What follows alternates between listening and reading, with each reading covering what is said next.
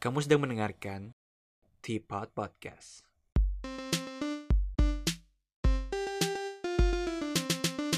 Hello, welcome back to Teapot. Baik lagi bersama gue, Fernando Sugianto, dan sepertinya mulai sekarang Teapot bakal lebih sering posting di akhir minggu karena kayaknya waktunya lebih pas buat gue di akhir minggu. Um, jadi hari ini gue bakal ngomongin soal PSBB karena minggu lalu gue baru aja balik ke Jakarta dari Hong Kong dan ternyata Senin ini tanggal 14 September Jakarta bakal nerapin PSBB total lagi nih. Kalau bahasanya Pak Anies mesti direm darurat katanya. Walaupun serem dan ada ngeselin tapi ya memang di Indo rada serem sih ya. Case-nya bukan bukannya turun tapi malah naik uh, jadi tiga ribuan tiap hari gitu. Dan ya sejak di Jakarta gue juga sempat ngeliat uh, orang-orang di sini juga sih banyak yang emang lebih cuek dan lebih lebih nggak peduli kali ya sama uh, COVID dibanding di Hong Kong gitu. Yang paling ngeselin sih, ya gue ngeliat banyak banget orang yang nurunin masker ke dagu gitu. Padahal kan udah sempat dikasih tahu ya dan dihimbau kalau sebenarnya nurunin masker ke dagu itu ya yang nggak bagus dan malah jadi kotor maskernya gitu. Ketika lu pakai lagi, lu malah uh, nempelin hal yang kotor ke uh, mulut lu gitu. Uh, tapi sayangnya, gue gue juga sering lihat gambar-gambar di sosmed atau di uh, video media. Presiden Jokowi aja juga dalam banyak kesempatan sempat kelihatan pakai maskernya di dagu gitu. Nggak nggak cuma presiden sih banyak pejabat juga yang kalau ngomong taruh maskernya di dagu gitu. So emang ribet sih jadi kayak kelihatan mereka sending different message gitulah. Uh, yang satu di, dihimbau suruh nggak taruh masker di, di dagu tapi yang menghimbau juga naruh masker di dagu gitu. Dan tahu sendiri lah ya kalau message beda-beda kan orang jadi sering bingung dan akhirnya ya nerapin apa yang lebih gampang aja buat mereka gitu. Ya nurunin masker jauh kan gampang banget. Dan mungkin lebih lebih nyantai kali kan kalau mau copotin kadang orang harus taruh di mana harus taruh di tempatnya taruh di plastik tapi kalau taruh di agu kan nggak usah nggak usah ditaruh mana-mana lagi jadi mungkin orang mikirnya lebih nyaman begitu walaupun nggak bagus tapi ya, ya udah dilakuin aja gitu and I guess emang compliance ke protokolnya jauh lebih rendah sih di Indonesia dibanding sama di Hong Kong kali ya. Uh, mungkin karena udah udah pada capek juga atau ya emang mungkin orang-orangnya lebih susah berubah aja kali ya. Uh, jadi ya sekarang di sini gue lebih ngeri-ngeri juga sih. Precaution gue di Jakarta juga jadi lebih ketat dibanding pas di Hong Kong gitu.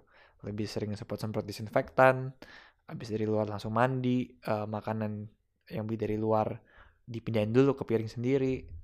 Ya pokoknya lebih ketat deh dibanding di sana gitu. Di sana gue kadang-kadang masih bisa nutup mata sedikit di beberapa hal gitu. Tapi interestingly, uh, gue lihat banyak banget sih tempat tempat cuci tangan sebelum masuk di tempat-tempat umum gitu. And I think it's a great idea tapi nggak semuanya pakai itu wastafel dan nggak diharusin juga sama orangnya gitu. Terus kadang kadang-kadang sabunnya juga encer banget dan gue nggak tahu deh apakah sabun yang encer itu bisa bekerja dengan baik apa enggak buat buat uh, ngilangin virusnya gitu. Terus pas di sini kan gue sempat pesan makanan pakai GrabFood atau GoFood gitu. Uh, gue jadi sempat mikir sih gimana ya jadinya kalau uh, pandemi itu tuh terjadinya tahun-tahun lalu gitu. Mungkin 15 tahun lalu uh, di saat aplikasi-aplikasi Gojek, Grab belum ada, cashless payment sebelum seroba sekarang juga, gadget masih ya seadanya, dan internet infrastrukturnya juga belum seluas sekarang internet video call juga mungkin belum luas dan masif. Jadinya kalau lu sendiri ya sendiri aja gitu nggak bisa zoom zooman sama temen. Mungkin telepon kali ya uh, kalau keadaannya gitu gue jadi mikir sih apakah kita bisa nerapin psbb gitu. Uh, saya dikepikir menurut gue sih bakal orang-orang mungkin bakal nggak betah kali di rumah aja ya. Sekarang aja pas udah ada semua entertainment di fingertips mereka bisa hubungin siapa aja yang mereka mau uh, banyak yang masih nggak betah juga di rumah doang gitu kan. So I guess it's kinda sad sih serem juga bayanginnya mungkin kalau keadaannya seperti itu kita bakal ngerasain lockdownnya tuh lebih painful berkali-kali lipat kali dibanding sekarang gitu so I guess uh, in a weird way kita actually mengalami hal yang menyebalkan ini di masa di mana kita bisa melewati semuanya dengan lebih mudah sedikit kali ya. Uh, mungkin itu point of view yang lebih optimisnya gitu. Uh, te teknologi membantu kita sebenarnya untuk melewati hal-hal menyebalkan seperti ini gitu. Karena kalau misalnya nggak ada teknologi mungkin kita nggak bakal betah uh, ngelewatin hal ini dan juga tanpa teknologi juga pemerintah nggak mungkin bisa menerapkan uh, aturan atau pencegahan yang masif seperti ini juga gitu. Jadi sebenarnya selain membantu kita buat betah ngadepin hal ini, ini juga membantu pemerintah buat uh, mengenforce protokol yang, yang lebih baik juga sih menurut gua. So yeah, uh, that's something to be grateful for in this uh, hard times ya. Tapi uh, kalau dipikir-pikir lagi dari segi flow informasi, sebenarnya zaman dulu lebih gampang sih ya ngajak orang buat ng ngikutin protokol-protokol. Karena zaman dulu kan hoax belum semudah itu menyebar ya. Ngirim SMS aja nggak gratis gitu ke teman-teman lo. Mungkin kecuali kalau udah dapet gratisan atau ngirim beberapa dulu, kayak gue inget tuh. Kalau pakai XL dulu, ya setelah kirim berapa SMS ntar dapat dapat free berapa puluh gitu tuh atau 100 ya lupa. And anyways dan orang-orang juga jadinya kan bacanya koran sama nonton berita gitu di di TV ya mungkin orang-orang lebih nggak mempertanyakan virusnya gitu. Dibilang ada virus ya udah percaya ya ada virus disuruh ngapain juga diikutin aja gitu. Uh, karena sekarang kan bandingin sama zaman sekarang hoax sudah banyak orang-orang punya pendapat sendiri kadang-kadang pendapat dianggap sebagai berita pendapat orang yang nggak tahu apa-apa bisa dijadikan acuan buat mengambil keputusan pribadi lu yang padahal mereka belum tentu ngerti apa yang ngomongin. Ya kalau zaman dulu kan paling hoaxnya apa sih? Cuma apa bapak minta pulsa gitu. Terus sama ancaman-ancaman yang kalau nggak lu sebarin ke delapan orang temen lu nanti lu bakal menimpa eh, lu bakal ditimpa hal buruk gitu. Karena mungkin kalau zaman dulu hoaxnya kok pas lagi ada virus oh ya jadi kalau nggak sebarin ke 10 teman lu SMS ini nanti kamu akan terpapar virusnya. Jangan berhenti di kamu. Ya paling segitu doang kan level hoaxnya. Dan kalau ada aneh-aneh ada konspirasi lah atau lain sebagainya pasti bakal jadi obrolan tongkrongan aja gitu nggak um, bakal sampai ada gerakan kayak sekarang.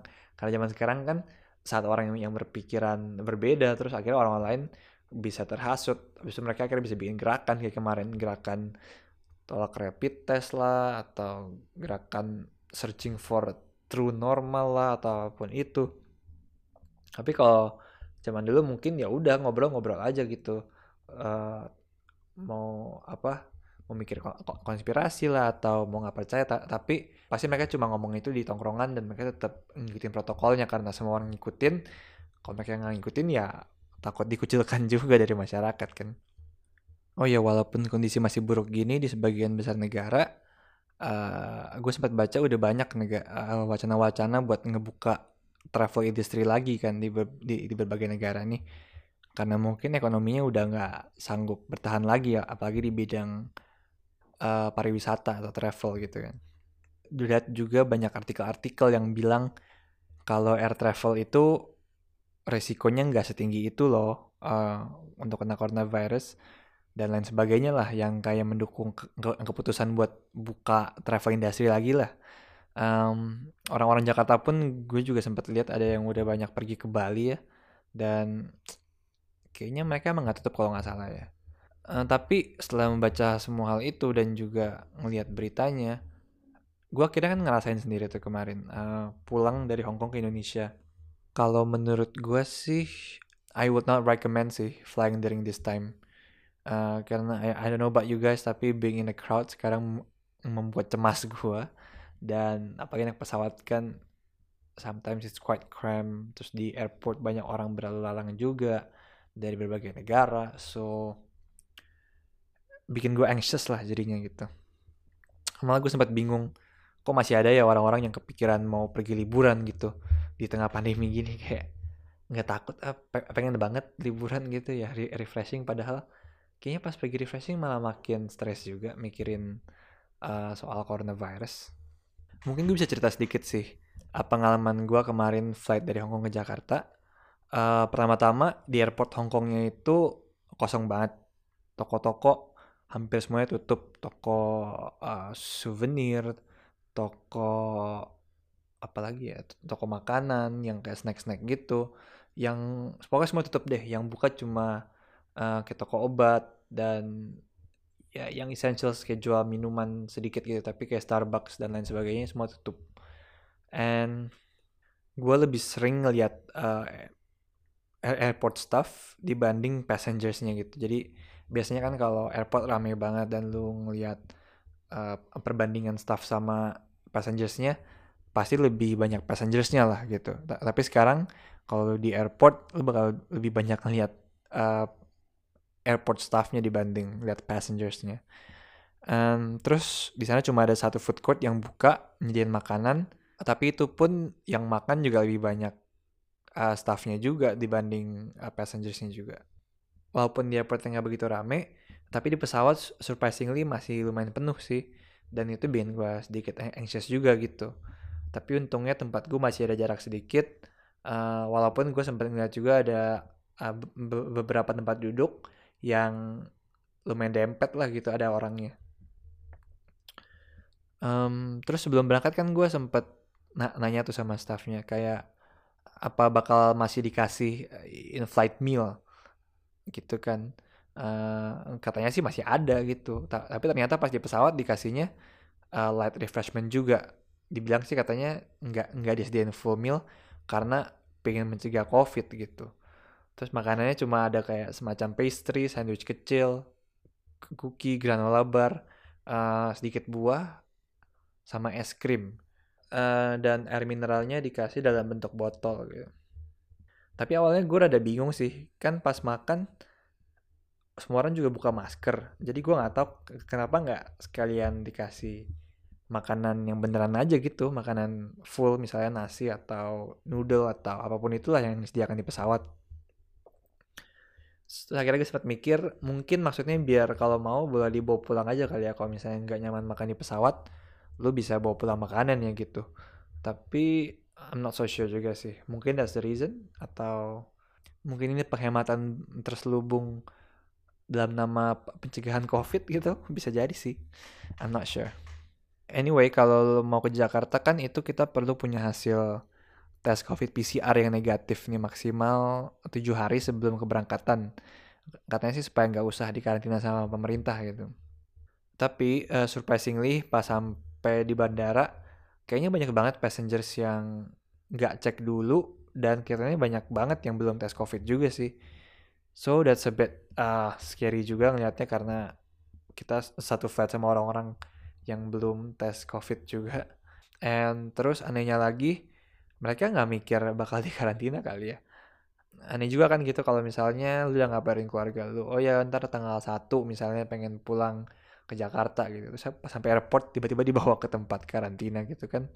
Jadi serem juga. Kayaknya if you really have to fly somewhere lebih baik cek uh, ketentuan airportnya sih. Karena beda-beda kan ya. Di Indonesia kan mesti ada tes PCR dulu. Hmm, nggak tahu kalau di US dengar-dengar sih katanya mereka nggak ada screening apa-apa tapi walaupun nggak walaupun hassle free tapi lumayan serem juga ya. Uh, jadi kayaknya sekarang if you really have to fly benar-benar cek dulu sih ketentuannya. Oh ya terus uh, buat lewat imigrasi gue juga dicek suhu tubuhnya saturasi oksigen juga sama pulse gue diukur juga. Terus uh, mereka benar-benar cek hasil tes PCR gue um, bahkan sampai di empat titik yang berbeda gitu jadi pas sampai dicek terus pas ngambil bagasi dicek lagi keluar ngambil bagasi dicek sebelum keluar pun dicek lagi yang menurut gue lumayan ketat sih. Mungkin kayaknya jangan sampai ada yang lolos gitu kali ya. Kan karena banyak orang-orang yang belum dites takutnya ada yang belum dites terus terus dia sempat keluar jadi udah udah keburu keluar dulu sebelum dikarantina gitu. So yeah, I guess uh, di screening itu menurut gue lumayan oke okay sih lumayan ketat di Jakarta. Setelah gue looking back at, my experience kita tadi mungkin ada denger di airport Hong Kong di pesawat sampai di airport lagi semuanya bener-bener bikin gue stressful sih. Gue jadi was-was banget sama surrounding gue dan sebelum gue duduk harus semprot-semprot lah hand sanitizer berkali-kali sampai tahan gue kering banget. Uh, jadi I guess kayak tadi gue bilang bener-bener deh kalau nggak perlu-perlu banget please uh, avoid air travel uh, for your ease of mind gitu jangan sampai kayak tadinya mikir pengen jalan-jalan buat relaxing pikiran kayaknya kalau sekarang jalan-jalan malah nambahin beban pikiran deh menurut gue seriously Terus uh, mau tes PCR pun kayaknya juga mahal ya sama ribet gitu. Sama gue pikir serem juga gitu kalau misalnya kita ke rumah sakit kan mau tes ada beberapa orang yang bisa jadi positif mereka gitu kan. Orang tanpa gejala lah ataupun itu bisa jadi mereka positif tapi um, kita nggak tahu dan karena kita mau tes di sana juga kita bisa jadi terpapar juga gitu sama orang-orang yang barengan pengen tes juga. So, so ya yeah, uh, I guess lebih baik kita jaga diri hindari dulu lah keluar-keluar air travel atau uh, ke mana pun tempat-tempat yang banyak kerumunan orangnya. Kayak unless itu perlu-perlu banget sih. Um, ya yeah, anyway I guess uh, singkat dulu deh hari ini Thank you banget buat yang udah dengerin sampai akhir. Seperti biasa, jangan lupa follow podcast kita di podcast di Instagram dan di Spotify. And Oh iya, uh, next week itu actually mark satu tahun podcast ini berjalan weekly. That's uh, kind of amazing, I guess. gue nggak nyangka sampai setahun ini juga. Uh, so if you have any suggestion on what to discuss on uh, di di episode minggu depan atau if you have any suggestion about the podcast in general bisa langsung DM gue di at fernaldi.s atau di at underscore podcast. Um, ya, oke okay deh. Sampai ketemu di perspektif berikutnya. Bye.